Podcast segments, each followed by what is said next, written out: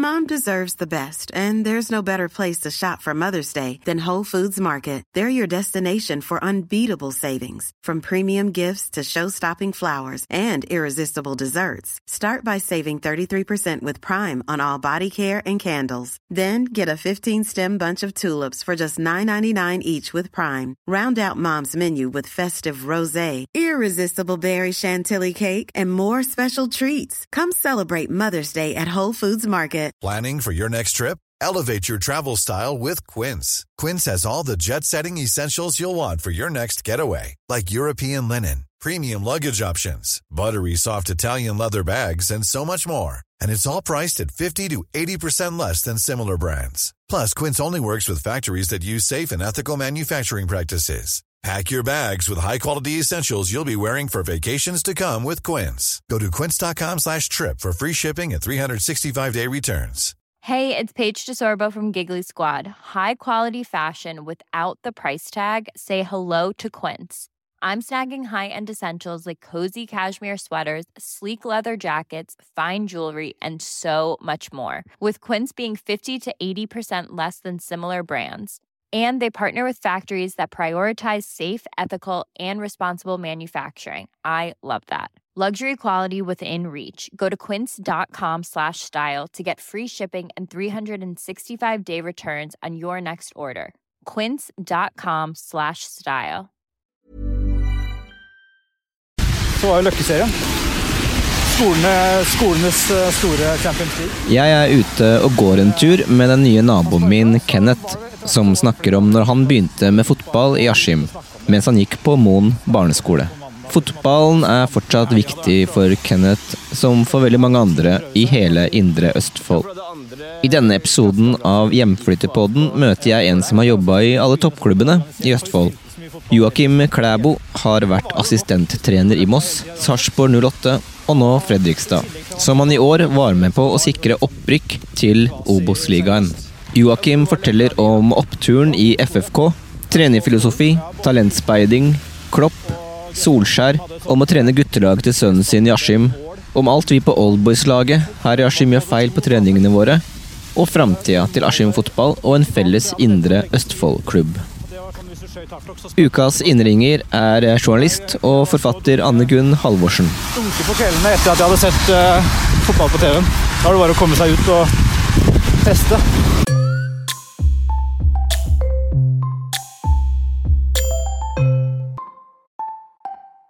Velkommen, Joakim Klæbo. Takk for det. Hvor er det du kommer fra? Opprinnelig så er jeg fra en plass som heter Ballangen, i, eh, i Nordland. Eh, Og så eh, flytta jeg til Harstad da jeg var elleve. Ja. Ja. Så jeg kan si at jeg er fra, fra Hålogaland, heter det jo. Hva kjennetegner Ballangen og Harstad, og hva prega oppveksten din der?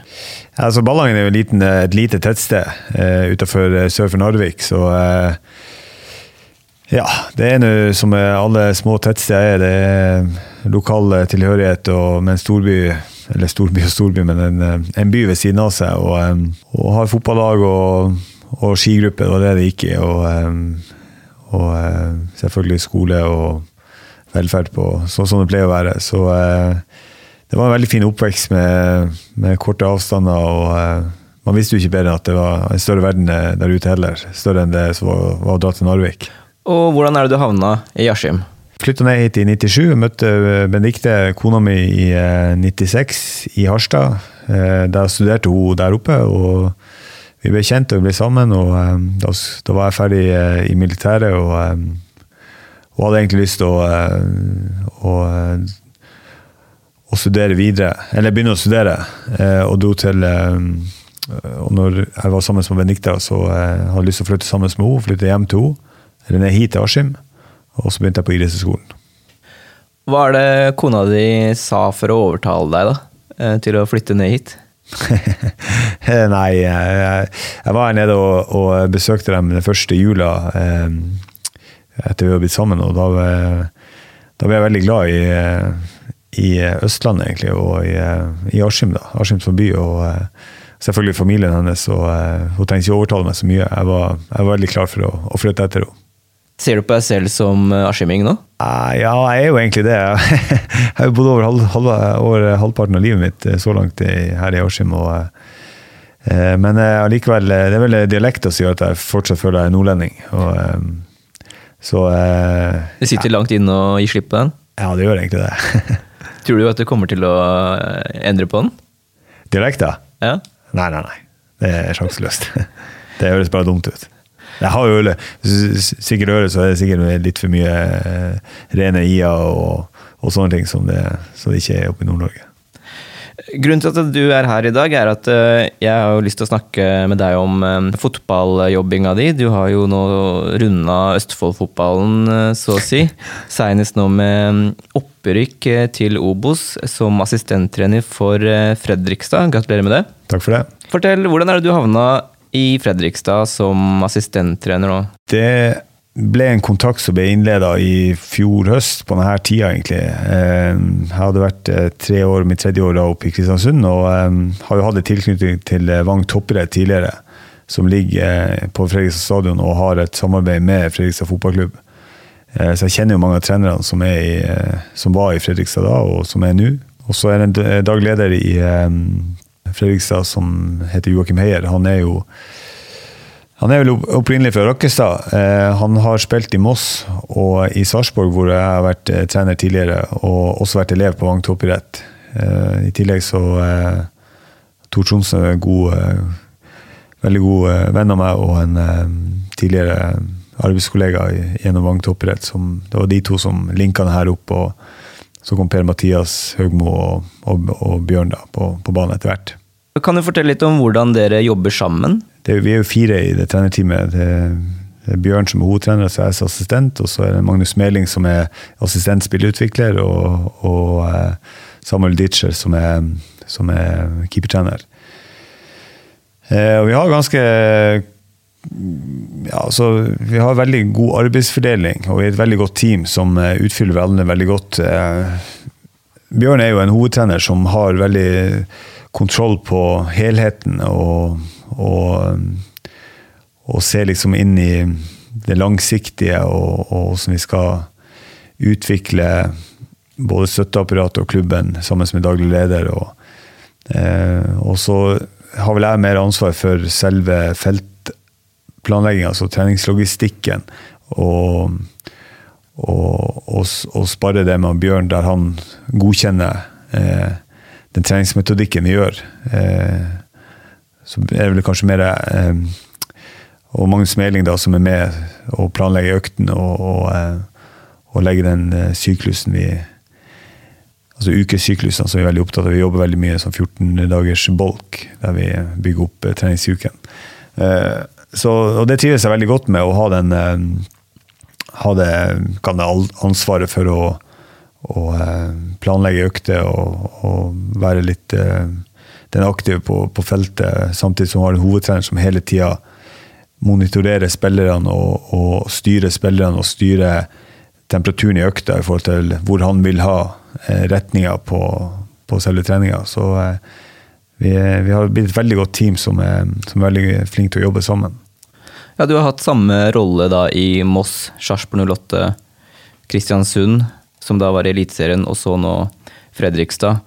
Har eh, den assistentrollen vært annerledes i de andre, andre klubbene i forhold til den eh, du er i nå? Jeg har egentlig jobba ganske likt i alle fire klubbene jeg har vært assistent. Ehm, men har, nu, har nok utvikla Har garantert utvikla meg sjøl òg til å eh, til å bli bedre på, på mine fagfelt. Og, men jeg har hatt veldig god, tett samarbeid med hovedtreneren og jobba veldig godt i, i duo der. Og eh, det trives veldig godt med når jeg får lov til å ja, rett og slett være meg sjøl og, og, eh, og eh, være den beste versjonen av meg sjøl uten å bli eh, Hvis jeg blir veldig passiv som trener, da, da har jeg ikke mye å bidra med. Så det har vært ganske lik både med, med Christian og, eh, og Roar Hansen i Sarpsborg og, eh, og eh, Per Morten eh, i, eh, i Moss. Og Geir og Tom Freddy også i Sarpsborg. Og eh, det er vel måten jeg også har utvikla meg som trener på. At jeg, jeg vet hva jeg trives godt med. og når jeg begynte å jobbe som Bjørn, så, så, så forklarte jeg han min arbeidsmetodikk, og han Bjørn sa at det, det, det hørtes veldig bra ut. Han, og, og, han ville bare at jeg skulle bjuda på det som jeg sto inne for, og så eh, er han hele tida eh, og, og jeg monitorerer det. og Ikke åssen jeg jobber, da, men åssen gruppa utvikler seg. og, og på den måten, og Jeg tror nok dagens hovedtrenere på det her eh, nivået her, og i hvert fall høyere, at eh, de må ha eh, de må ha det store eh, bildet på, på treningen og, og, få med seg flest mulig spillere. Du vet Når du står ned, altså ut på feltet med ansvar for økta, så du, har du hele tida øvelsene og logistikken og betingelser og momenter du skal poengtere for å få frem akkurat det vi er ute etter i, i spillsekvensene eller deløvelsene. Og um, det er veldig godt for en hovedtrener å stå og kunne se det her og gå inn og, og um, korrigere der det må, må, gjøres. Og Det er veldig viktig at ikke en assistent i min rolle da liksom er den som prøver å være den hovedtreneren, men at han kjenner sin posisjon som assistenttrener. Og, og tilbake til det der syns jeg har fungert veldig bra. Fungerer veldig bra nå i, i Fredrikstad og har vært veldig bra i tidligere klubber vært i ja, dere har jo hatt enorm suksess nå i Fredrikstad dette året i Post Nordligaen. Hva er det du tilførte klubben da du kom inn i år? Jeg tror nok det som jeg har tilført eh, klubben, er nok det at eh, jeg hadde et referanseramme på åssen eh, vi har trent i, i KBK og i Sarpsborg. Og det er jo på et elitenivå og, og hadde et bra, gode resultater med det. Og det ble vi enige om ganske tidlig, at okay, nå prøver vi også å sette det her inn i, i Fredrikstad, på, selv om det er to nivå under i ligasystemet. Men skal det også vites at de, spillergruppa som er i uh, Fredrikstad, har vært gjennom uh, har erfaring fra Eliteserien og Obos. Pluss at det er mange unge lokale som kommer opp. Så det er spillergrupper som er veldig langt fremme i forhold til nivået de har spilt på. Og de eh, tok til seg de, den treningsmetodikken som vi har tilført, veldig fort. Og, eh, og egentlig fra, fra, første uka så klarte vi å sette kursen og retninga på hvordan ting skulle være.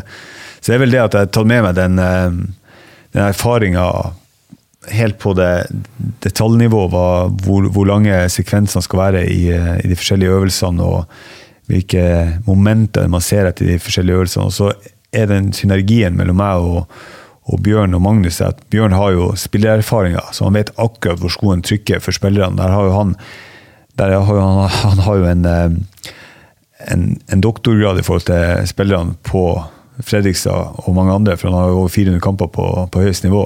Så han vet akkurat hvordan ting føles på, på kroppen, og hvordan eh, ting bør være ute på, eh, på, feltet, både i trening og i kamp. Eh, så det når vi fikk det der sammen, så, så har det blitt veldig bra. Det var da tidligere sportslig leder Per-Mathias Høgmo, også tidligere landslagstrener, som uttalte at han var storfornøyd med å få deg inn i klubben tidligere år, og sa at du var fotballfaglig bunnsolid, og at du hadde da dratt til Kristiansund, hvor du da jobba i tre år, for at du ville utvikle der og tilegne deg ny kunnskap. Hva er det viktigste du um, tok med deg fra de tre åra i Kristiansund? Ja, det er vel eh, altså, eh, mye med det samarbeidet som jeg fikk i det teamet der, og, og, eh, og den, den, entusiasmen som var i KBK, klubben og byen. Der jeg også opplever hvor sterkt Jeg opplevde jo en ganske god grad i Sarpsborg, men det var mye sterkere i Kristiansund i forhold til hvor, hvor hardt et produkt kan dras frem med de forente kreftene som dro i samme retning.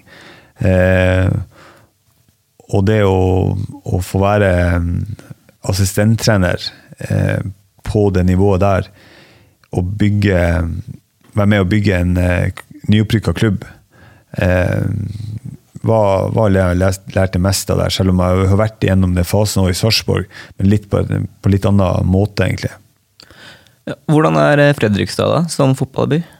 Nå fikk jeg kjenne litt på det denne uka som gikk nå. Eh, det har vært veldig stille i år pga. korona, så jeg har ikke merka noe til det trøkket som, som er der, og som jeg kjenner fra utsida. Eh, men eh, den siste uka nå så har jeg merka at det har vært veldig, veldig mye aktivitet rundt oss. Og det er mange mange som vil, vil oss godt, både i Fredrikstad og i Fotball-Norge. Så det var massive støttemeldinger når vi klarte det her. Så det her er jo en, en vulkan av en fotballklubb som bare ligger og, og venter på å fyre opp. Det er mange sovende kjemper i Østfold. Eh, jeg har litt eh, fakta om akkurat det her, eh, bare for å sette det litt i perspektiv med, med Østfold og mm, Fredrikstad-fotballen. Østfold er da eneste fylke i Norge med fem lag i toppserien i ett og samme år. Det var hovedserien 1950-51. Da var fem av 16 lag fra Østfold. Og i 1960 var Fredrikstad det første norske laget i serievinnercupen, og de slo ut av Ajax. Og totalt har Østfold ti ligatriumfer og 20 cupmesterskap, og flesteparten av titlene er FFK sine. Og fram til 1984 var Fredrikstad Norges mest meritterte klubb, og de har vunnet ni seriemesterskap og elleve cupmesterskap. Og i Norge er det kun Rosenborg som har flere titler enn FFK. Hvilke ambisjoner har dere nå for sesongen som kommer i Obos? Ikke for å legge noe press, altså. Nei, det har vi fått mye av. vi har fått et spørsmål allerede. og eh, Det er klart vi, det er forventninger at eh, Fredrikstad skal eh, begynne å klatre nå. og Jeg tror og er bra sikker på at vi har et fundament i, i klubben og i spillerstallen og i byen som nå begynner å vokse så, så bra at, at vi skal det, det, forventes at vi skal fortsette reisen, for å si sånn. Om det tar ett eller to, kanskje tre år.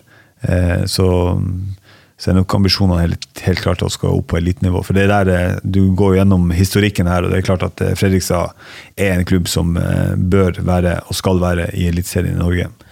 Hvordan er det en klubb som Fredrikstad, som nå kommer fra Post Nord-ligaen, rekrutterer spillere?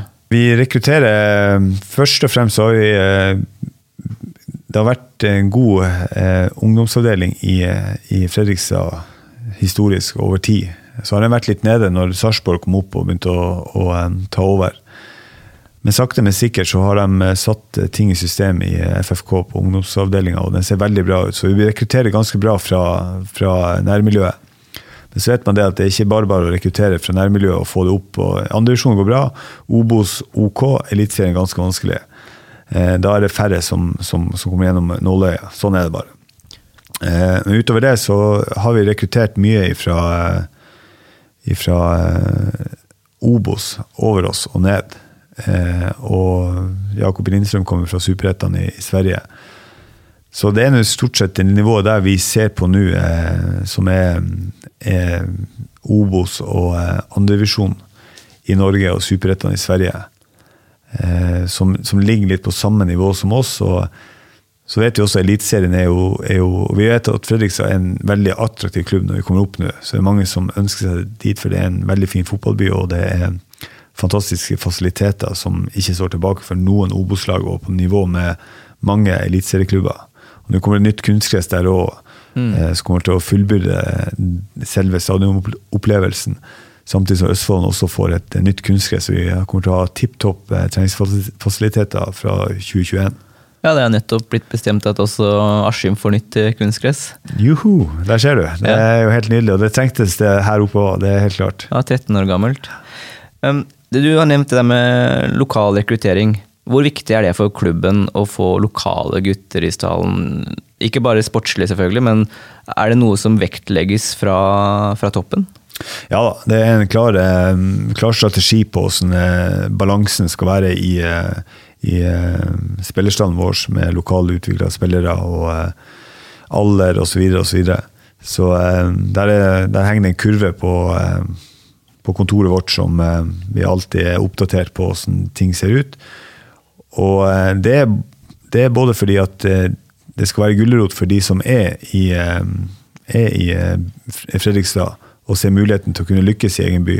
Og så er det også at eh, publikum de ønsker også å se eh, sine på stadion. Eh, klassekameratene fra de gikk i første klasse, ønska også å se han som var på klassebildet, ute på Fredrikstad stadion. Naboene ønsker å se nabogutten eller nabojenta når det blir damefotball i Fredrikstad, Mm. til å spille der. Så um, det er viktig å ha, ha egenproduserte spillere, og, um, og det er også å bli større enn en Fredrikstad og få litt eh, nedslagsfelt. Nå er det jo Sarpsborg gjort en veldig god jobb på det, så eh, vi håper jo å komme opp dit og kunne konkurrere med dem igjen på det. Hvem er det som tiltrekker seg flest talenter av Vestfold-klubbene nå?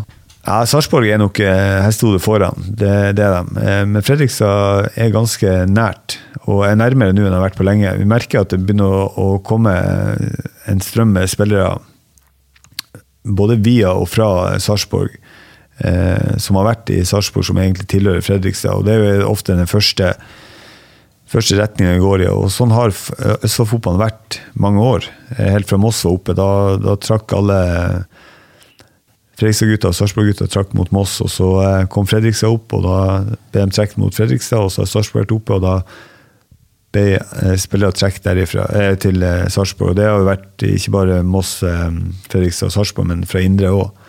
At eh, spillere trekkes til det, det som er flaggskipet. Eh, Men nå er det blitt eh, veldig jevnt på, eh, på ungdomsavdelingen mellom de her to klubbene. Så, så det tror jeg ut, begynner å utjevne seg mer og mer. Du har bodd i Askim i 23 år, som du sier, og nå har du jo da slutta å pendle til Kristiansund, og kan heller ta turen nedover med bil, antar jeg, til Fredrikstad. Stemmer. Hvordan er pendlerlivet? Det går veldig greit. Jeg har eh, alltid pendlet. Jeg har alltid bodd i Askim mens jeg gikk på, på, um, på idrettshøyskolen og hadde ett år der jeg var i Stabekk, uh, da jeg jobba i Moss, når jeg var i Sarpsborg og nå i Fredrikstad. Så alltid pendla fra Askim, og det har alltid vært sånn 45 til en time. 45 minutter til en time. Og det Jeg lærte meg til å, å bruke den eh, arbeidsveien veldig bra i forhold til å både reflektere og planlegge og, og selvfølgelig ta noen telefoner, men mest på det her med å bruke tida på å, å visualisere ting og tenke gjennom og evaluere. Eh, sånn, evaluere mye på vei hjem og, og planlegge veldig mye på vei ned. Ja, for det er jo mange av de jeg kjenner som kvier seg for å skulle bosette seg i Indre Østfold fordi ja, de har kanskje jobb i Oslo eller et annet sted, sånn times tid unna Askim f.eks. Mm. Men du tenker at det ikke er noe stort hinder? Nei, det har ikke vært noe hinder for meg, så, eh, og nå er jo alt, begynner alt å bli bygd ut her. og Det er korte veier om du setter deg på toget fra Askim til Oslo, eller om du setter deg fra, fra, fra Kolbotn i bil. Det tar vel like lang tid. Jeg må innrømme at jeg helt sikkert er blant dem som følger eh, mer med på Premier League enn eh, norsk toppfotball. Men jeg har jo alltid vært veldig nysgjerrig på trenerrollen. Eh, man får jo ikke så ofte bli med inn på kontora og i, i treninga i det daglige, bortsett fra nå i det siste, da, når man har fått disse dokumentarene fra Amazon og senest denne dokumentaren om eh, Tottenham. Ja. Men eh, hva, hva tenker du er den største forskjellen på trenerhverdagen til en ja, Mourinho eller Solskjær i Premier League, og en som da er trener for Fredrikstad og satser på Eliteserien? Det er jo eh, selvfølgelig trøkket, omfanget, omfanget og volumet eh, som er Jeg tror nok det når man er innafor eh, trenerkontoret, og du har din stall, og du har dine spillere, og du begynner liksom å jobbe inn mot fagfeltet, så er avstanden mye mindre enn selve volumet på klubbene. Eh, og så er det selvfølgelig her med alle forventningene som er, rundt de store klubbene der, og alt de må møte opp på og stille opp på. Men de er jo sikkert flinke til å, eh, å både planlegge det og holde ting unna, men det er jo et eh, det er jo karusell uten like med Premier League og Champions League osv. Og det er Største forskjellen er selvfølgelig at det er størrelsen på spillerne. Det er spillere som tjener masse penger, som har et, sannsynligvis et veldig stort ego. Ikke at det er noe negativt med dem, men de er jo, de er jo dyrka. Eh, og eh, de har agenter rundt seg som eh, de trenerne må forholde seg til. Men det er det som er managerrollen som er sikkert er den som er mest eksponert for det. Og så har du, eh, har du de som da er first coach og, og det staffen til, til de managerne, som egentlig jobber litt mer i det eh, under radaren og mer stille. Når eh, du ser på Premier League, så ser du ofte at det er da, eh, ofte diskusjon mellom hovedtrener og assistenttrener. Og da får man ofte bilde av at eh, det er som assistenten som er hjernen. Det er han som hvisker de smarte tinga i øret til hovedtreneren. Er det, er det et riktig bilde? ja, si gjerne, gjerne. Altså det, det, er to master, tre, fire. Det er mange som sitter og, og de, sitter og, og, analyserer på en pad. Men det er klart at en, en assistenttrener kan sitte med litt med lavere puls og sitte og se litt eh, mer nyansene i spillet. Mens en hovedtrener er mer opp på eh, sidelinja. Men jeg bytter jo også på det og eh, hvem som er oppe og så, så nede. Det jeg merker på de hovedtrenerne jeg jobber med, er at både Bjørn og Kristian var der at de er at av og til så sier de jeg må trekke meg litt tilbake, for de vil, vil roe seg litt og de vil se litt uh, hele bildet. Mm. Eh, mens når jeg er assistenttrener, så står du bak der, og så er du litt roligere, og så kanskje du ser nok mer helheten i det fra den posisjonen. Og det er da man kommer med det er ikke det jeg vil si at det er hjernen bak det, men man kommer med innspillene som man ser. Og så diskuterer man med hovedtreneren eh, om han har sett det samme, og om det er noe man kan justere på. Nå vet jeg at du er Liverpool-fan, men er det noen andre, også, bortsett fra Klopp, da, trenere i Premier League som du følger litt ekstra med på? Av disse nye typene som da Bielsa eller Mourinho og, osv.? Jeg følger ikke så mye mer med, med på dem. Det er veldig overfladisk. Det jeg, det jeg ser på, på de type trenerne der. Jeg er mye mer opptatt av, eh, av måten eh, lagene spiller på. Og, eh, og hvordan Jeg er veldig flink til å få med det Klopp. For jeg, Han har jeg veldig sans for, selvfølgelig fordi jeg følger med Liverpool. Men de filosofiene de har Bielsa er jo også veldig på den filosofien med den moderne fotballen. Det skal gå fort fremover, det skal være mye løpskapasitet osv. Eh, men der er det jo også Leipzig, eh, Leipzig og Salzburg. Mm. Eh, Red Bull-laga. Ja, og, og, eh, og, Dortmund. Og det, det, er mange av de her som liksom begynner å bli den, for å si, den nye vin i, i fotball. Eh, Men si, si, si, litt mer om det. for at uh, Bielsa og Klopp og sånn er jo da kjent for dette med høyt press og ekstremt godt trente spillere og, og mye arbeidskapasitet. Og, men liksom, hva mer? Hvilke andre ingredienser og virkemidler er det de eh, iverksetter i en, en kampplan, f.eks. For eksempel. Fordi som tilskuer og amatør så ja, man blir liksom sittende og tenke at ja, her, her, her løpes det mye og høyt press. Og, og, og det er det, liksom. Men fra et litt mer analytisk perspektiv, hva, hva ser du der som gjør at det blir en uh, vinneroppskrift for dem? Nei, for det første så er de veldig godt forberedt på hverandre. Så Det er jo alltid en balanse mellom spill motspill. Hvor mye skal du eh, våge sjøl, og hvor mye skal du ta hensyn til motstanderen. Og så er det da en, eh, blir det et litt sånn sjakkparti som utspiller seg ganske tidlig i kampen. Der det handler om å, å, eh, å eh, nøytralisere styrkene til motstanderen. Og det å forsterke dine egne styrker, og spesielt der motstanderen er svak. Og da blir det ofte et sånn nok tilbake til spill motspill. Og det handler om momentumene i kampene. Når du klarer liksom å få et momentum i, i kampen i form av at du får et trøkk på motstanderen, du klarer å stå etter. Eh, du klarer å utnytte de svake punktene til, til motstanderen.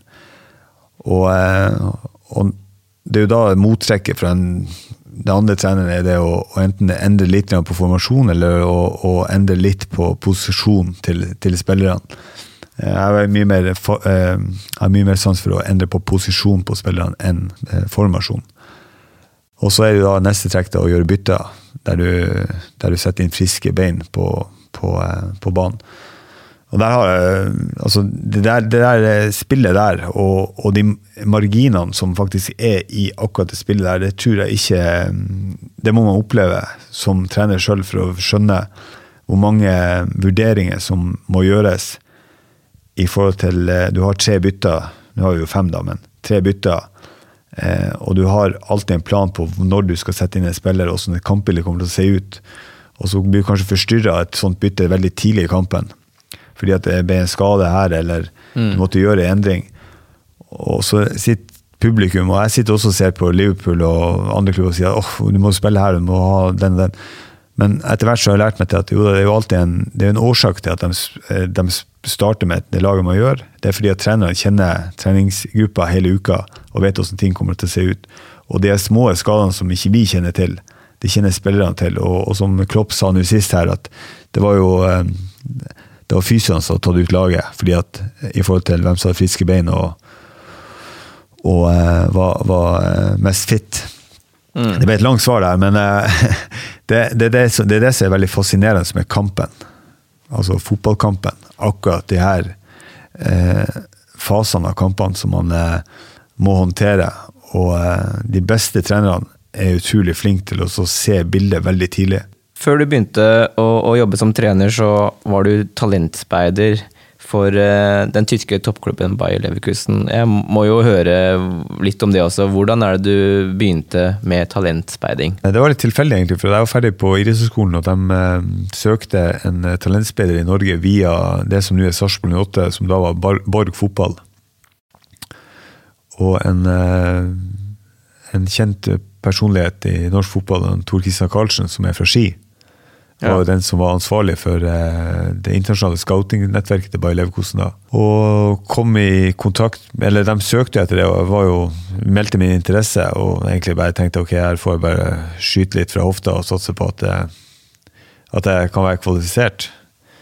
Og kom inn på intervju, og det var faktisk uh, aldri vært i så eh, tunge intervju som det var der. det var to intervju på Første var det på en time, og andre var på halvannen time. Ja. Der eh, ble eh, Der det satt en tre-fire stykk og intervjua deg. Eh, Hva slags folk var det, da? Nei, det var jo både fra, Bayer Leverkusen og i, altså i siste instans, da, og så jeg, altså Tor Kristian Karlsen og representanter fra, fra Borg fotball. Og så var det eh, eksterne rekrutteringsspillere personer.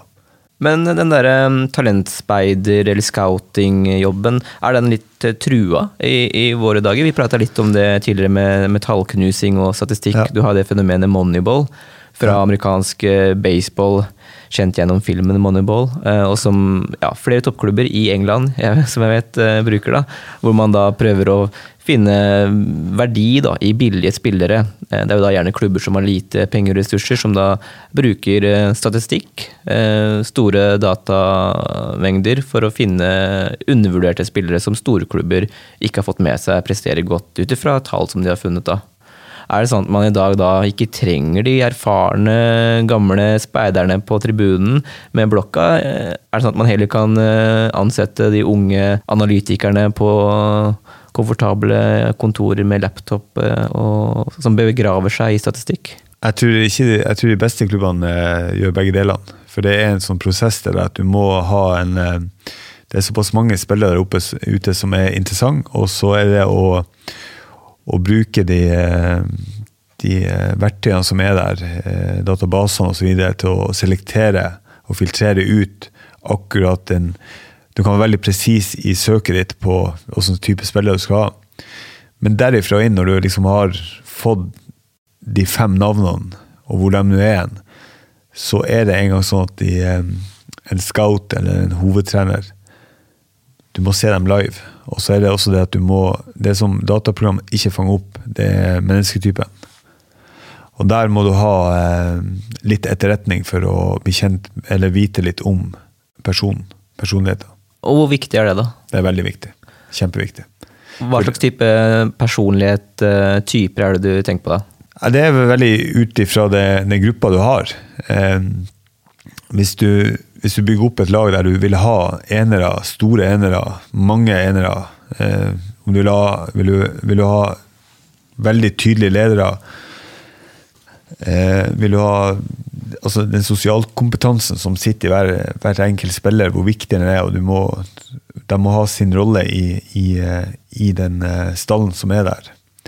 Eh, den, den, får man aldri sjekka helt ut før man har knytta til seg spilleren, men du må kunne litt om bakgrunn og hva, hva er det den spilleren her besitter av, eh, av menneskelig kompetanse. Eh, og det er ikke sånn dermed sagt at hvis man ikke har, hvis man mangler noe, men da må man i hvert fall være forberedt på det og så bruke de ressursene man har til å hjelpe eller videreutvikle den personen. Ja, er det noen spesielle typer du har sansen for, som du ønsker deg i din spillergruppe? Som kan eh, løfte laget både eh, i garderoben og på banen og utafor? Ja, altså, Jeg liker jo veldig godt uh, spillertyper som for det første som er trenbar, men det er jo et uh, det, er, det er nesten en forutsetning uansett. Men du vil, du vil ha spillere som er trenbare og som er selvdisiplinert. Og man bruker ofte begrepet være sin egen trener. for at vi kan påvirke dem når de kommer inn klokka ni til frokost, og til de går fra lunsj klokka to. Eh, men det de gjør fra to til ni dagen etterpå, det må de gjøre sjøl. Mm. Og vi kan poengtere og, og, eh, og vektlegge og, og, styrke det budskapet hver dag. Og det gjør vi jo, altså poengtere det. Men eh, det er de beste som virkelig tar tak i det og har en selvdisiplin som gjør at de skjønner det å være fotballspiller på et høyt nivå. Og det høyeste nivået i Norge, eh, det krever en del valg som gjør at du ikke kan faktisk være, være den som eh, er med på alt. Jeg vil ha majoriteten av de spillerne der i ei gruppe som er, er selvdisiplinert, flink til å, å, ta vare på verktøyet sitt, som da er kroppen sin, og er sulten og har lyst til å komme seg videre frem i fotballen. Men du, må, du, kan ikke bare ha 22 sånne, for du må ha noen ledere. og Du må ha noen som går foran, men lederne har ofte den, den, den egenskapen der òg. Eh, eh, det som jeg ikke liker, det er spillere som er litt for eh, høy på seg sjøl i forhold til atferd og ja, det man gjerne kaller luksusspillere, primadonnaer. Selv om de kan avgjøre en kamp i ny og ne, så, så vil jeg ha de som er, er trenbare og er sulten. Er det noe vi kan spotte når vi ser eh, kamp på TV, de primadonnaene? Eller er det, er det feilaktig av oss å da f.eks. peke ut la oss si, en på midtbanen til Manchester United som har farga hår? Har vi fått tynt grunnlag da til å kunne egentlig uttale oss om det?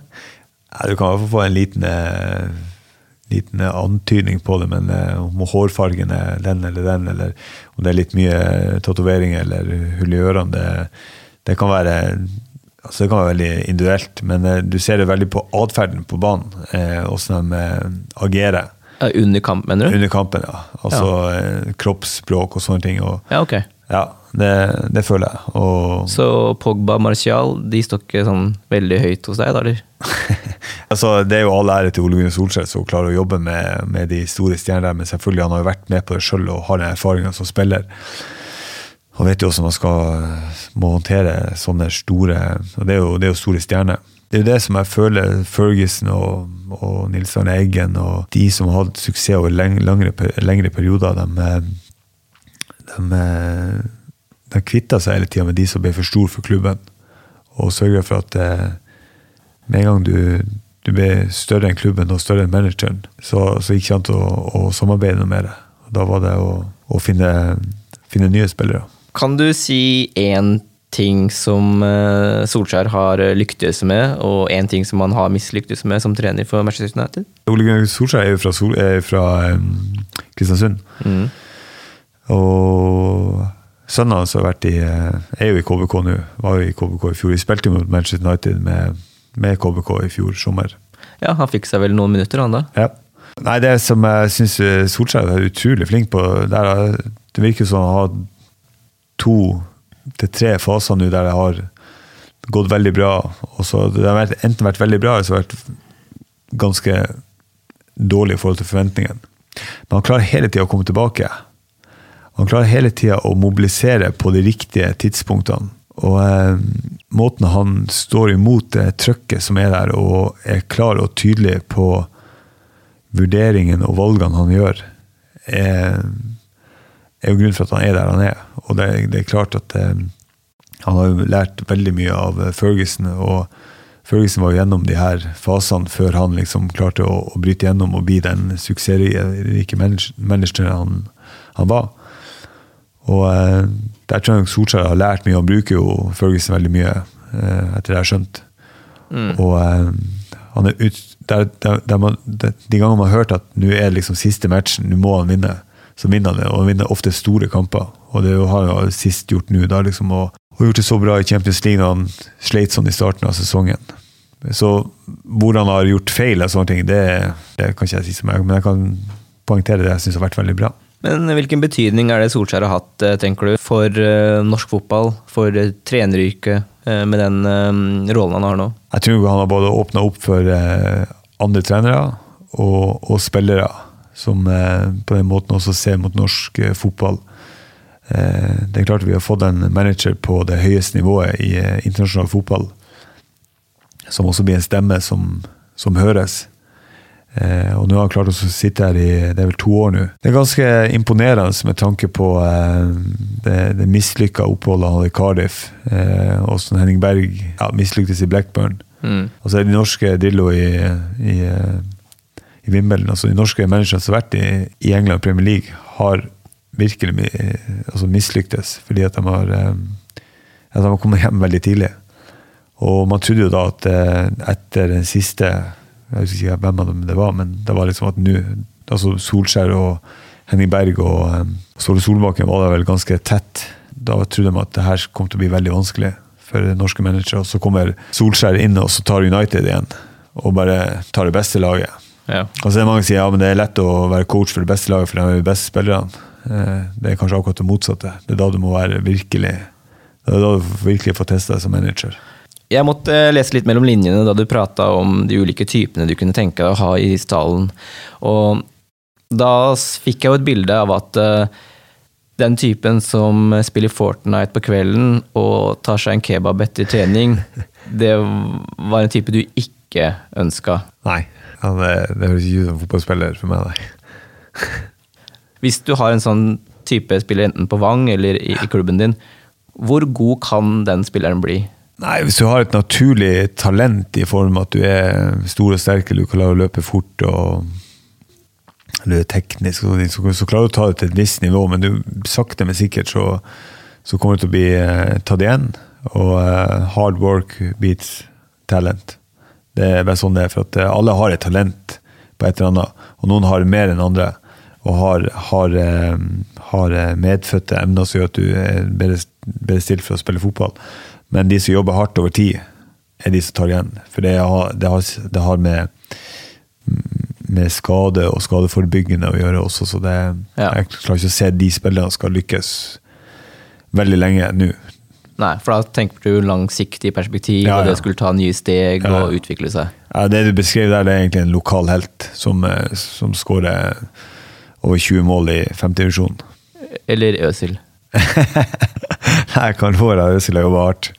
Garantert. Men hvordan ser du talentet? Hva ser du på, og hvordan er det du på en måte Hvis du bare følger øyetesten, da. Mm. Ikke noe tall eller noe sånt noe, men ja, du ser på Løkka eller du ser en kamp med, med, med guttunger som spiller.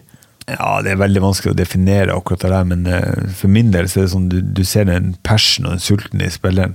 Du ser de som liksom er, er genuint opptatt av spillet og skjønner uh, uh, ulike roller selv om de spiller det ene eller andre, så kan de de, har et blikk for spillet og en uh, naturlig innlevelse i spillet. Det er ikke de som skyter veldig hardt eller absolutt er raskest, men det er ofte de som har den, den store Altså den komplekse ferdigheten i fotball. Med å uh, både være passe rask og, og god, god nok utholdenhet ha bra fysikk, altså ha et sånn grunnlag som gjør deg ganske godt rusta, selv om du er liten eller høy. Det har ikke så mye å si. Du kan ha god balanse alt det her. Men til syvende og sist er det en, en forståelse for at det er elleve stykker som skal fungere samtidig mot elleve andre som skal prøve å gjøre det vanskelig for deg. Sånn, Så du må forholde deg til 21 andre stykk utpå der. Og eh, de som liksom har denne eh, egenskapen og, og skjønner det store bildet, mener jeg har et godt utgangspunkt, for da kan du begynne å forme dem på de posisjonene du ønsker å ha dem i. Og Det er ikke dermed sagt at det er de der som liksom dirigerer og, og liksom er mest verbal, men du ser det ofte på en spiller, og man posisjonerer seg, og, og, vi bruker et begrep på å leve med. Ja. Leve med i spillet. Leve med i spillfasene. det å ta øvelser fort og ikke ha for mye spørsmål og lure på for mye. Og så er det selvfølgelig de spillerne som, som ikke skjønner, eller ikke skjønner, men som ikke har den spilleforståelsen og har en evne til å leve med, men allikevel har spisskompetanse ut av en annen verden, mm. som blir som slår igjennom. Og ære være for dem òg. Men det, det, er ikke de For min del så, så, liker jeg bedre de som er flinke til å leve med. Hvor tidlig kan du se denne fotballklokskapen hos uh, unge? Du må i hvert fall opp på et elvernivå. Må opp på ungdomsfotballen for å, for å få en uh, viss uh, innsikt i det. Men da begynner liksom det også Den iveren der hvor, hvor ofte det, hvor mye legger de ned i treningsarbeidet sitt. og jeg har, jo kjennskap til hele, hele skalaen her på, gjennom Vang toppidrett. Mm. Der du har spillere som kommer inn og, og er best i sitt nærmiljø. Og tar steget videre og formes videre med den gruppa som er der. Og så går de bare reiser de sammen med utviklinga til gruppa. Og så er det de som er lokale helter, som da blir late og som står over trening osv., som bare faller av sakte, men sikkert. Så de, er, de her spillerne som liksom kommer inn i gruppe og, og, er med å påvirke gruppa og er med å reise sammen med gruppa. F.eks. Moi Elionossi, som eh, jeg jobber med i Sarpsborg. Som kommer inn som en ung eh, unggutt i eh, en alder av eh, 16-17 år. Og skulle eh, være med oss i slutt, siste delen av første året i Eliteserien. Og kommer innpå og er veldig sped og blir dytta bort i, eh, når jeg spiller mot eh, Odd på Skagerrak Arena. Mm. Og, og skjønner sjøl vi sier det til Eller vi sier det egentlig ikke så mye, men man ser det sjøl at liksom, her ble jeg jo her ble jeg bare dytta bort, og mye mer enn jeg blir i treningen. Og, og når da bruker høsten på liksom å få mer erfaring med guttene på A-guttene på treningen, og så når da vinteren kommer, eller november og desember, så oppsøker han ekspertise uavhengig av oss og utvikler de områdene her og bruker to måneder og kommer tilbake når vi starter opp i januar og har utvikla en, en volum på overkroppen som er imponerende. Og går inn i en treningskamp og, og dytter Lillestrøm-spillere bort. Og vi vinner 4-2, og han har bare markert seg at jeg skal være med i år. Mm. Og reiser da gjennom eh, med laget i eh, det som da var Adeccoligaen, rykker opp til Eliteserien. Og er med på å, å sette sitt stempel på Eliteserien med Sarpsborg og blir solgt videre til eh, Molde og kommer inn på et målnivå der han må jobbe seg for å komme seg inn. Samme på U21. Blir solgt videre til, til Basel. Mm. Og må jobbe seg inn i Basel og, og, vokse med gruppa der og gå forbi dem. Og eh, kommer seg inn i A-landslaget. Begynner å bli etablert der. Går til Southampton. Har ikke lyktes helt der, og så går han til eh, Celtic. Og han liksom er på tur til å slå gjennom nå. De, altså Moe, fra den erfaringen jeg har med spillere, han er et prakteksempel på spillere som har et naturlig talent men som jobber hardt, dedikert, og jobber på hele veien og former seg og er med å, å utvikle gruppa der han er, og utvikle laget og seg sjøl hele veien. Og den måten han har utvikla seg til å gå forbi laget og så ta neste seg har vært eh, Jeg tror nesten det er en sånn her eh, mal på som man kan eh, drive utvikling. Hva vil du si er hovedmotivasjonen og drivkraften til de som blir best, da? Jeg antar at det ikke da er penger og berømmelse? Ja, det er helt sikkert. At de, de, ja, det er ikke det. Det er det å For de når ikke så langt i. Det er de her som hele tida er sulten på å bli litt bedre. På å se hvor langt de klarer liksom, å ta talentet sitt eller forutsetningene sine for å bli enda bedre neste dag, og så måle seg hver dag. Si, okay, jeg blir litt bedre på sprintene mine. Jeg hopper litt høyere, skyter litt hardere, jeg er mer presis. Skårer jeg på sju av ti på avslutningene mine. Teller avslutningene sine i treningen. Eh, teller antall seire de har i treningen. Teller, altså, veldig opptatt av det her å vinne, skape en vinnerkulturen hos seg sjøl. Ja. Ja. Vi har prata ganske mye om toppfotball nå, men du har jo et unikt eh, erfaringstilfang som uh, fotballkyndig. Du eh, er jo også nå trener for Askim G14-laget, hvor sønnen din Odin spiller. Hvorfor eh, tok du på deg den rollen? Jeg har fulgt dem ganske lenge, egentlig. De begynte jo i barnehagen, de guttene der. De var fire år. Og de fikk vel eh, hengt opp et, laget laga et mål oppe i Tripselia barnehage. Det var den første gruppa som Det var seks stykker der som begynte, og så begynte den gruppa der å bli større og større. Og da hadde jeg både laget til Odin og Julie. Eh, og så jeg har lovt Odin at eh, når han liksom når han begynte å eh, spille elver igjen, så, så skulle jeg, jeg skulle være trener så lenge han ville at jeg så lenge han vil fotball, eh, spille med fotball, og så lenge han vil at jeg skal være trener. Så eh, det er grunnen for at jeg har eh, er trener for han. da. Hva er det som er det viktigste for deg å vektlegge annerledes når du trener barn og voksne? Det er jo selvfølgelig Du må ha mye mer tålmodighet med, med barn. Ja. Så må du også akseptere at de Der er i hvert fall et forskjellig utgangspunkt på hva de ønsker, og sultne osv. Men så er det også å få de unge til å få et eierforhold til laget, til den gruppa man er.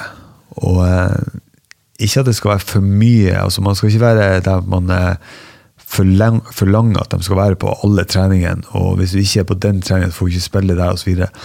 For da kommer du til å miste spillerne til slutt.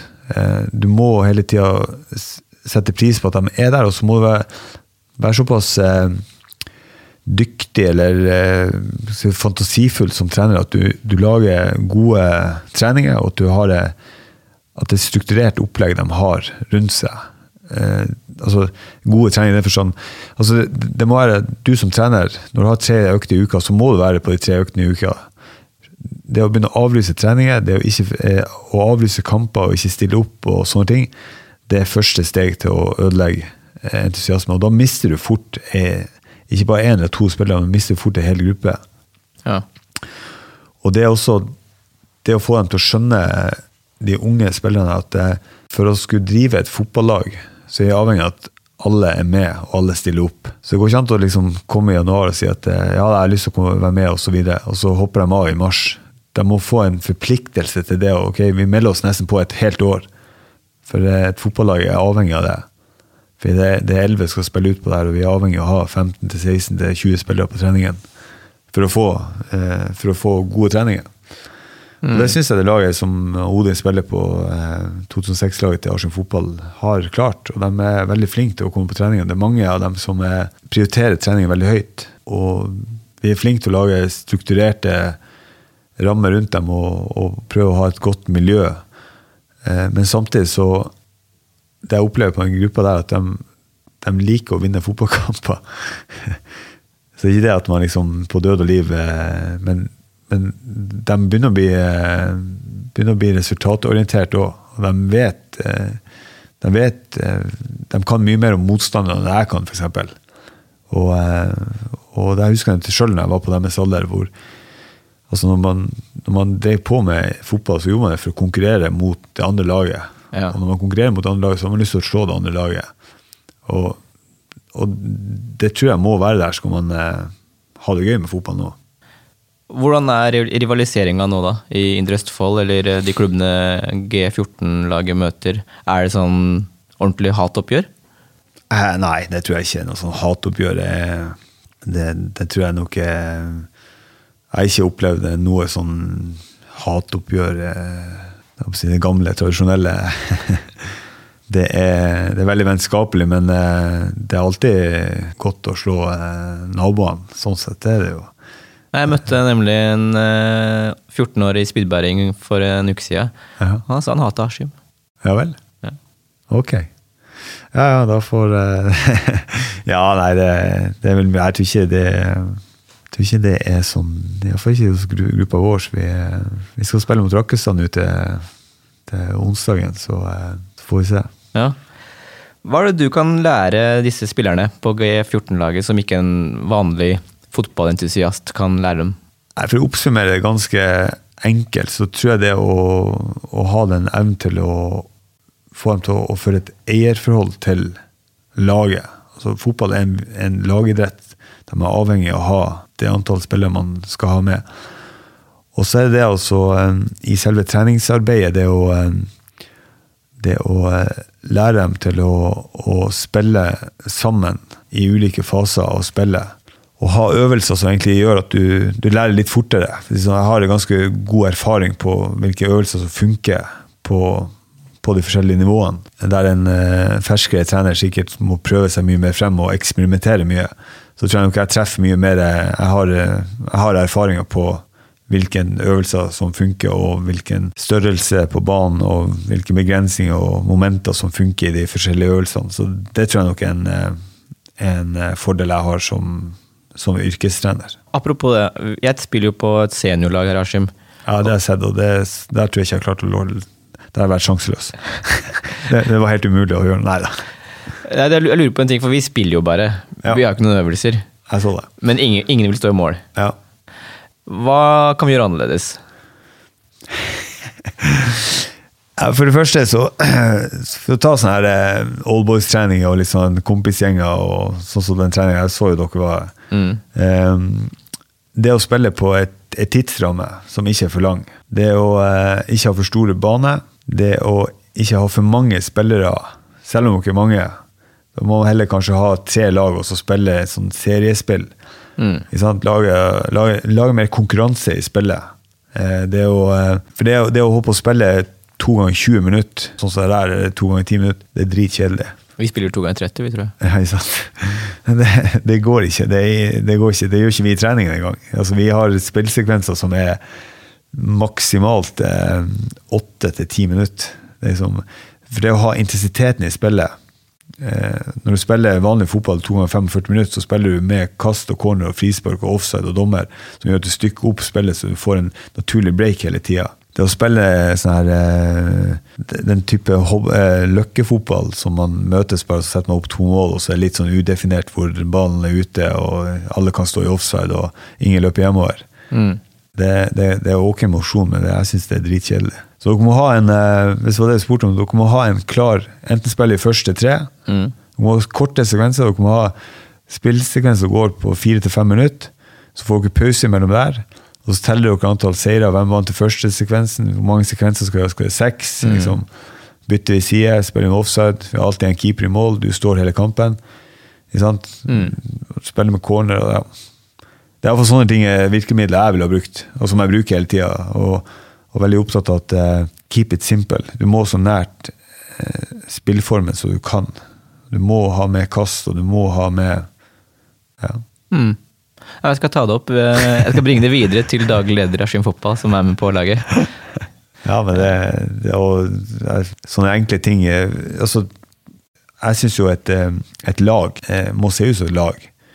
Eh, Det vil si at man har en uniform som er ganske lik, altså drakt, treningstøy. Mm. Og det å se sånne publag som er å trene med forskjellige vester og masse forskjellige farger, da blir jeg helt Da, da mister jeg, da mister jeg oversikt. Ja, Du vil ha det litt mer profesjonell, Ikke profesjonelt, jeg vil ha det mer strukturert. Ja. Fordi at det gjør, eh, men det har vel kanskje med at man har vært i, i treneryrket så lenge at det gjør noe med øyet. At man, eh, jeg blir rett og slett forstyrra når det er over fire, fire forskjellige farger på, på, på banen. Det må være ett lag som er blått, og så må det være et som har vester som er gule, og de gule vestene skal være like. For ellers, er ikke, ikke, ellers er det ikke to lag. Men Nå har vi snakka om veldig mange forskjellige lag, alle laga du har jobba med, selvfølgelig, og, og guttelaget. Men det som teller, er selvfølgelig A-laget til Askim. Eh, eller et eller annet lag i Indre Østfold. Hva mener du bør være målsetningen til Askims A-lag? Jeg har jo sagt det lenge at eh, størrelsen på Indre Østfold og vi har et, eh, vi har et potensial til å i hvert fall være i tredjedivisjon. Og det å kunne være sånn potensiell andredivisjonsklubb eh, Det første året jeg var i Post Nord, det var i år. Jeg aldri vært i Post Nord. Jeg har vært i tredjedivisjon eller førstedivisjon eller Eliteserien. Eh, eh, som spiller i tredjedivisjon og trener i første og, og, eh, og Obos. Eh, første og Eliteserien. Det skal jo i hvert fall ikke så mye til å komme seg opp fra femte, sjette, fjerde og opp mot tredje. Tenker du på Askim fotball nå, eller et samla Indre Østfold-lag? Det tror jeg egentlig er sånn hipp som happ, hvem det er som er, hva som styrer. Det, det er veldig naturlig at det er Askim som er den største byen i, i Indre Østfold nå, som eh, skal ha et naturlig nedslagsfelt på det. Altså, man, det som jeg har sagt i, internt i Askim fotball, det er at så lenge vi er gode på produktet vårt og gode, gode treninger, eh, har strukturerte trenere som stiller opp, eh, som har en eh, viss forståelse for barneidrett, der man liksom ikke går skoene av seg fordi man taper en fotballkamp, men at man har, en, eh, har et lengre perspektiv å stille opp, så vil produktet være så bra at de spillerne som, som er i Spydberg og hater Askim, har lyst til å komme til Askim fordi at de har lyst til å bli bedre fotballspillere. Ja. Det, det kommer alltid til å være gode fotballspillere som kommer fra Indre Østfold. Om de kommer fra Skjønhaug eller om de kommer fra Mysen eller Trømborg eller Askim eller Spydberg. Skipset Altså, en fotballspiller det, det, har vi sett over tid. Det er Karl Petter Løken og Rune Bø Johansen og alle her har jo, har jo vokst opp i, i Askim eller i Indre Østfold. Og de, de, de kommer, kommer, til å komme i fremtida òg. Og så lenge Askim eh, fotball eller Indre Østfold har et, en fotballklubb som, som, er flink til å drive ungdomsavdelinga si med gode trenere, trenger, ikke være eh, ut, eh, utdanna trenere på, på høyeste nivå, men det må være gode ungdomstrenere som engasjerer seg og har et eierforhold til det. Mm så vil de skape det beste produktet. Hva er den største utfordringen da, for at um, Askim skal kunne nå um, ja, tredjedivisjon om få år? Jeg syns jo den jobben som blir gjort nå med å skape Askim fotball, den tror jeg skal være mye mer problematisk enn det var. Så det har kommet et riktig steg på veien. Ja, Du tenker på sammenslåinga mellom uh, Korsgård og og FK. Ja. Det tror jeg var et viktig steg i riktig retning. Og jeg ser den eh, energien og den krafta som ligger oppe på Askim stadion nå Eh, med blide folk. Og eh, den sammenslåinga Jeg kjente ikke så til Korsgård-folkene, men de er jo eh, måten man har gått inn i hverandre og utvikla og bygd kiosk og terrasse og klubbhuset. Og, altså alt er veldig ryddig og ordentlig. Og jeg tror nok den, hvis man klarer liksom å sette det her det her er en start, og man har satt en, en struktur på klubben. Jeg syns jo draktene og fargen og måten man kler seg opp nå, og måten mm. man får tilgang på det på Intersport, er jo sånne små detaljer som gjør produktet til slutt suksessfylt. Og jeg tror nok, når vi ser tilbake på det første året, her, så tror jeg Askim Fotball kan være veldig fornøyd både på rekrutteringa og måten man har. Og så er det ikke alt som, som fungerer knirkefritt, men vi må fortsette å jobbe på det som er bra, og så sørge for at det er gode årganger med, med, med, med gode treninger. Nå er det sånn at de aller fleste jeg kjenner fra Indre Østfold og Askim, som jeg spilte sammen med på Askim eh, guttelag og sånn, Jeg tror de fleste ser på seg selv som ja, ikke nødvendigvis uh, undervurderte talenter, men jeg tror veldig mange tror at de kunne spilt på elitenivå hvis de bare hadde satsa. Ja. Har du hørt den før? Det har jeg hørt mange ganger før. Ligger det noe i det? Nei. Ja, men det ligger noe i det at de kunne det. Ja. Nei, det vil si at uh, det er en del av talentet. Som bare sier at Hadde jeg vært litt mer seriøs, hadde ikke vært for den skaden der, hadde jeg vært litt hurtigere, hadde jeg vært litt mer teknisk, hadde jeg prioritert litt annerledes, så hadde jeg vært i Eliteserien. Men det er akkurat de tingene jeg er innom her, som de som er kommet til Eliteserien, har vært gode på. De har vært genetisk eh, hadde en utgangspunkt som gjorde at de var lite skada. De har ikke fått den kneskaden som det største talentet fikk. For de hadde knær som var tålte den treninga de fikk. Eh, de hadde interesser som var, gjorde at eh, de prioriterte fotballen sin hele tida. Eller en sunn interesse, sunn balanse i forhold til det. Og når du summerer alt det opp der, så er det ikke tilfeldig at det er de beste som kommer gjennom til slutt. Det er veldig synd for de som blir skada, får, får alvorlige skader som er der man har trent knallhardt over lang tid, og så røykt et korsbånd, og så blir man satt tilbake. Det er liksom unntakene. Mm. Men de her eh, det at man ikke er rask nok, det at man ikke hopper høyt nok, det at man ikke klarer å løpe nok. Også de her forutsetningene. Og selv om man har prøvd å påvirke det, så har man alltid et eh, forutsetning for hvor høyt og langt man kan nå. Akkurat som de som har kommet til Eliteserien, klarte å nå Eliteserien. De klarte ikke å komme seg noe lenger enn det. Så de som kommer og sier at de eh, hadde bare gjort det og det og det, så hadde jeg vært eliteseriespilleren. Nei, det var nettopp derfor du ikke kom dit. For du gjorde ikke. Du hadde ikke, du hadde ikke det talentet å bry deg om å gjøre de, de valgene riktig. Hvor langt kunne du nådd sjøl, da?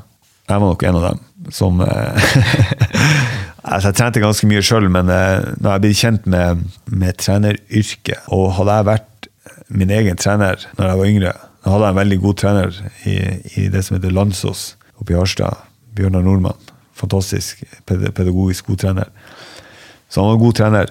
Men det, de årene fra jeg liksom var 16 til junior, hadde jeg kunnet det jeg kan om trening nå, og vært min egen trener Så det første så har det vært, et, det har vært mye krangling mellom meg og, og Joakim, 16-17 eh, år. Eh, men jeg skulle ønske at jeg hadde prioritert, altså skjønt verdien av trening. Jeg gikk på, tre, jeg gikk på alle fellestreningene og følte jeg var seriøs. Eh, jeg var hjemme i helgen og ikke noe ute på byen og sånne ting. Jeg var ikke på fest eller noe sånt. Men jeg jeg følte liksom treningsopplegget og var ute og, og, spilte mye på Løkka og heppa og greier. Men det var akkurat det. At jeg heppa for mye. Og jeg, sto og, og øvde på frispark. og Jeg var ganske god på avslutning og sånne ting, og, og kunne blikket for spillet og var god i lufta. og sånne ting. Eh, men helheten, det å skjønne at eh, det å spise pizza hver dag i en lengre periode, mm.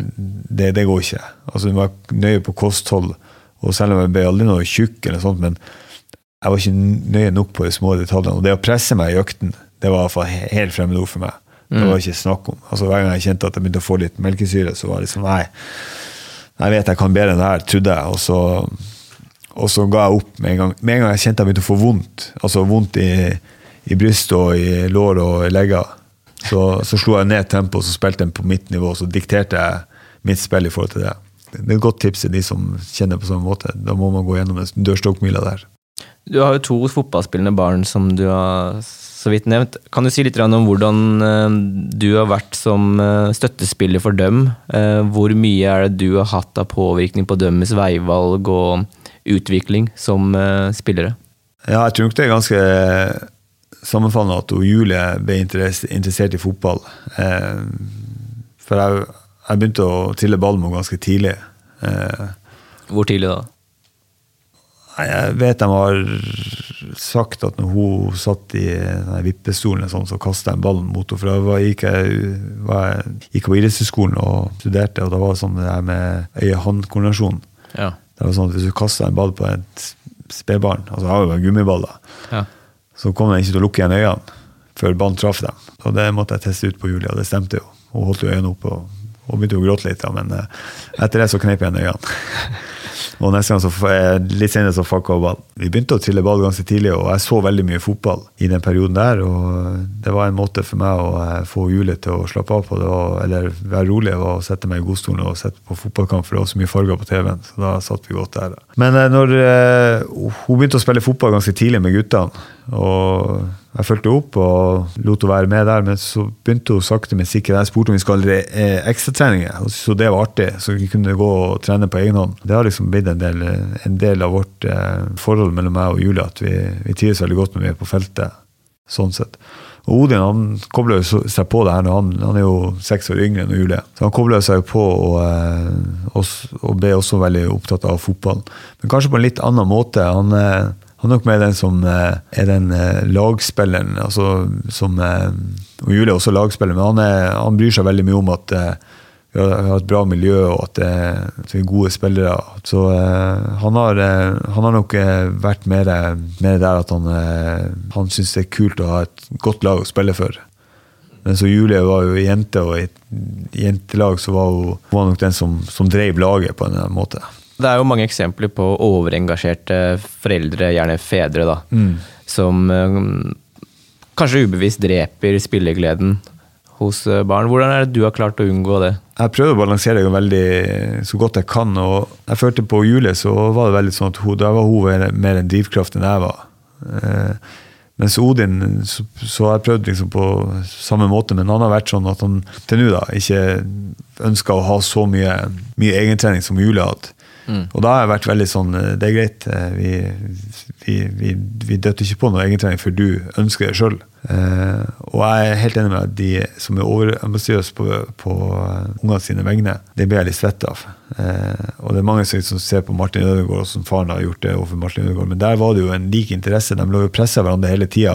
Det var jo ikke det at uh, han Hans Erik Hans Erik var den som uh, pressa på for at Martin Ødegaard skulle bli god. Det var Martin som ville, ville det. Mm. Og så fikk de, fikk de en sånn synergi på det, at de utvikla hverandre hele tida ble egentlig ble litt som Karsten Warholm og han eh, treneren. Ja. Men hvordan tror du man kan plante det frøet da, hos, eh, hos, ungen tidlig? Sånn at det kan spire og gro uten at du trenger å holde på og, styre så fælt? Ja, si det. Det tror jeg er litt sånn unikt. Jeg tror ikke du tror ikke du finner den eh, blomsterjorda på, eh, på butikken. for å si det sånn. Det, det tror jeg er veldig sånn i forhold til miljø og Litt genetikk, da, men miljø og, og litt forutsetninger for å, for å, få det til. Det må være en, en viss form for eh, passion og lidenskap i opphavet ja. for, å, for, å, få det, det, det frøet til å gro. Ja, for Da tenker du på en del sånne trivselsfaktorer som i hjemmet og, og vennekrets og nærmiljø Ja. og sånne ting. Ja. Ja. Det. Og, men det som jeg, som jeg syns er veldig fascinerende med barne- og ungdomsidrett, det er det at man eh, Spesielt ungdomsidrett, når man kommer opp i den vanskelige fasen av eh, å være en sånn 12-14-15-16-17 år, der det er mange, mange utfordringer, mange veivalg som skal tas Ja. i den utviklinga, og utviklinga går veldig fort hos Det å ha et miljø og ha en trygghet i et sunt eh, idrettsmiljø og et lag der du kjenner hverandre, der du kjenner foreldrene, der du har en aktivitet som gjør at du er opptatt tre til fire ganger i uka. Du har et holdepunkt som gjør at du bryr deg om noe. Eh, Og det samfunnsengasjementet man gjør som trener der, det er veldig viktig.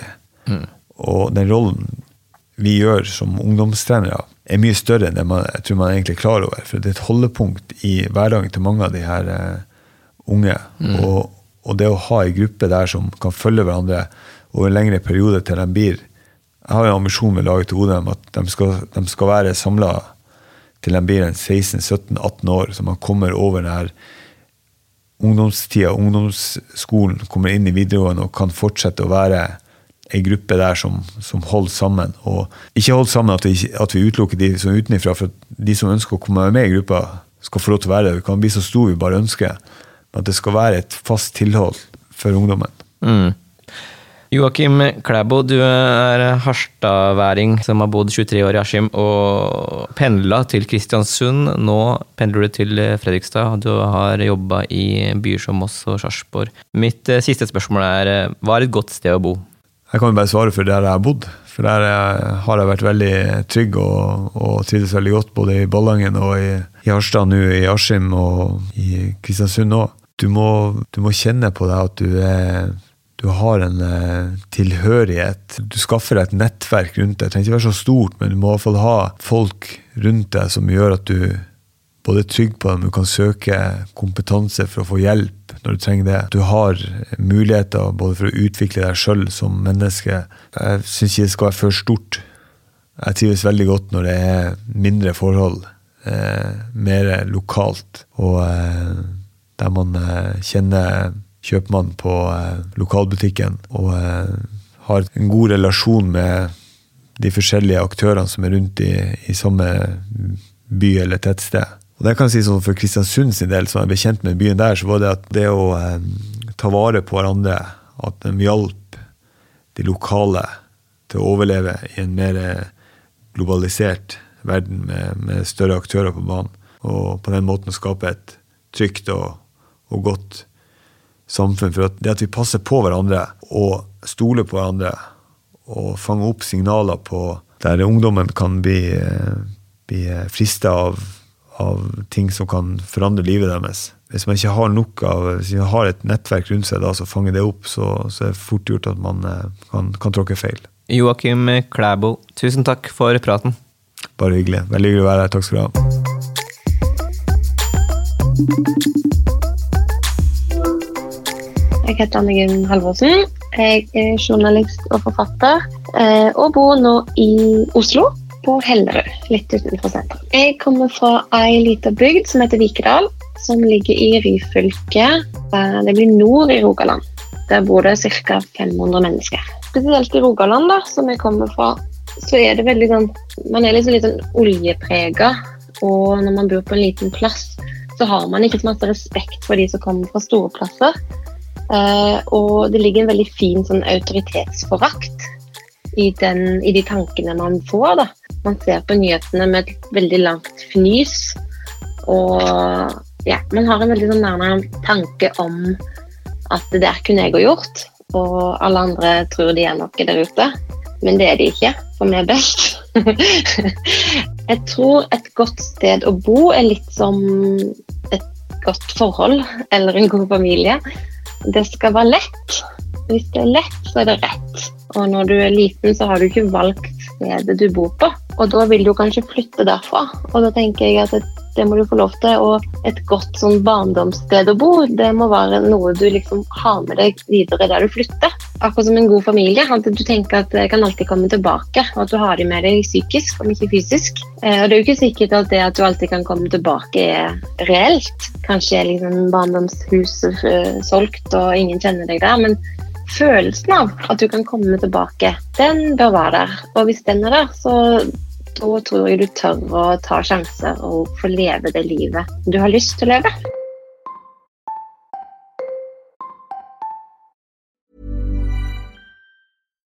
Hi, I'm Daniel, founder of Pretty Litter. Cats and cat owners deserve better than any old-fashioned litter. That's why I teamed up with scientists and veterinarians to create Pretty Litter. Its innovative crystal formula has superior odor control and weighs up to 80% less than clay litter. Pretty Litter even monitors health by changing colors to help detect early signs of potential illness. It's the world's smartest kitty litter. Go to prettylitter.com and use code ACAST for 20% off your first order and a free cat toy. Terms and conditions apply. See site for details. Hey, it's Paige DeSorbo from Giggly Squad. High quality fashion without the price tag? Say hello to Quince. I'm snagging high end essentials like cozy cashmere sweaters, sleek leather jackets, fine jewelry, and so much more. With Quince being 50 to 80% less than similar brands. And they partner with factories that prioritize safe, ethical, and responsible manufacturing. I love that. Luxury quality within reach. Go to quince.com slash style to get free shipping and 365 day returns on your next order. Quince.com slash style. Hey, it's Paige DeSorbo from Giggly Squad. High quality fashion without the price tag? Say hello to Quince. I'm snagging high end essentials like cozy cashmere sweaters, sleek leather jackets, fine jewelry, and so much more. With Quince being 50 to 80% less than similar brands. And they partner with factories that prioritize safe, ethical, and responsible manufacturing. I love that. Luxury quality within reach. Go to quince.com slash style to get free shipping and 365 day returns on your next order. Quince.com slash style.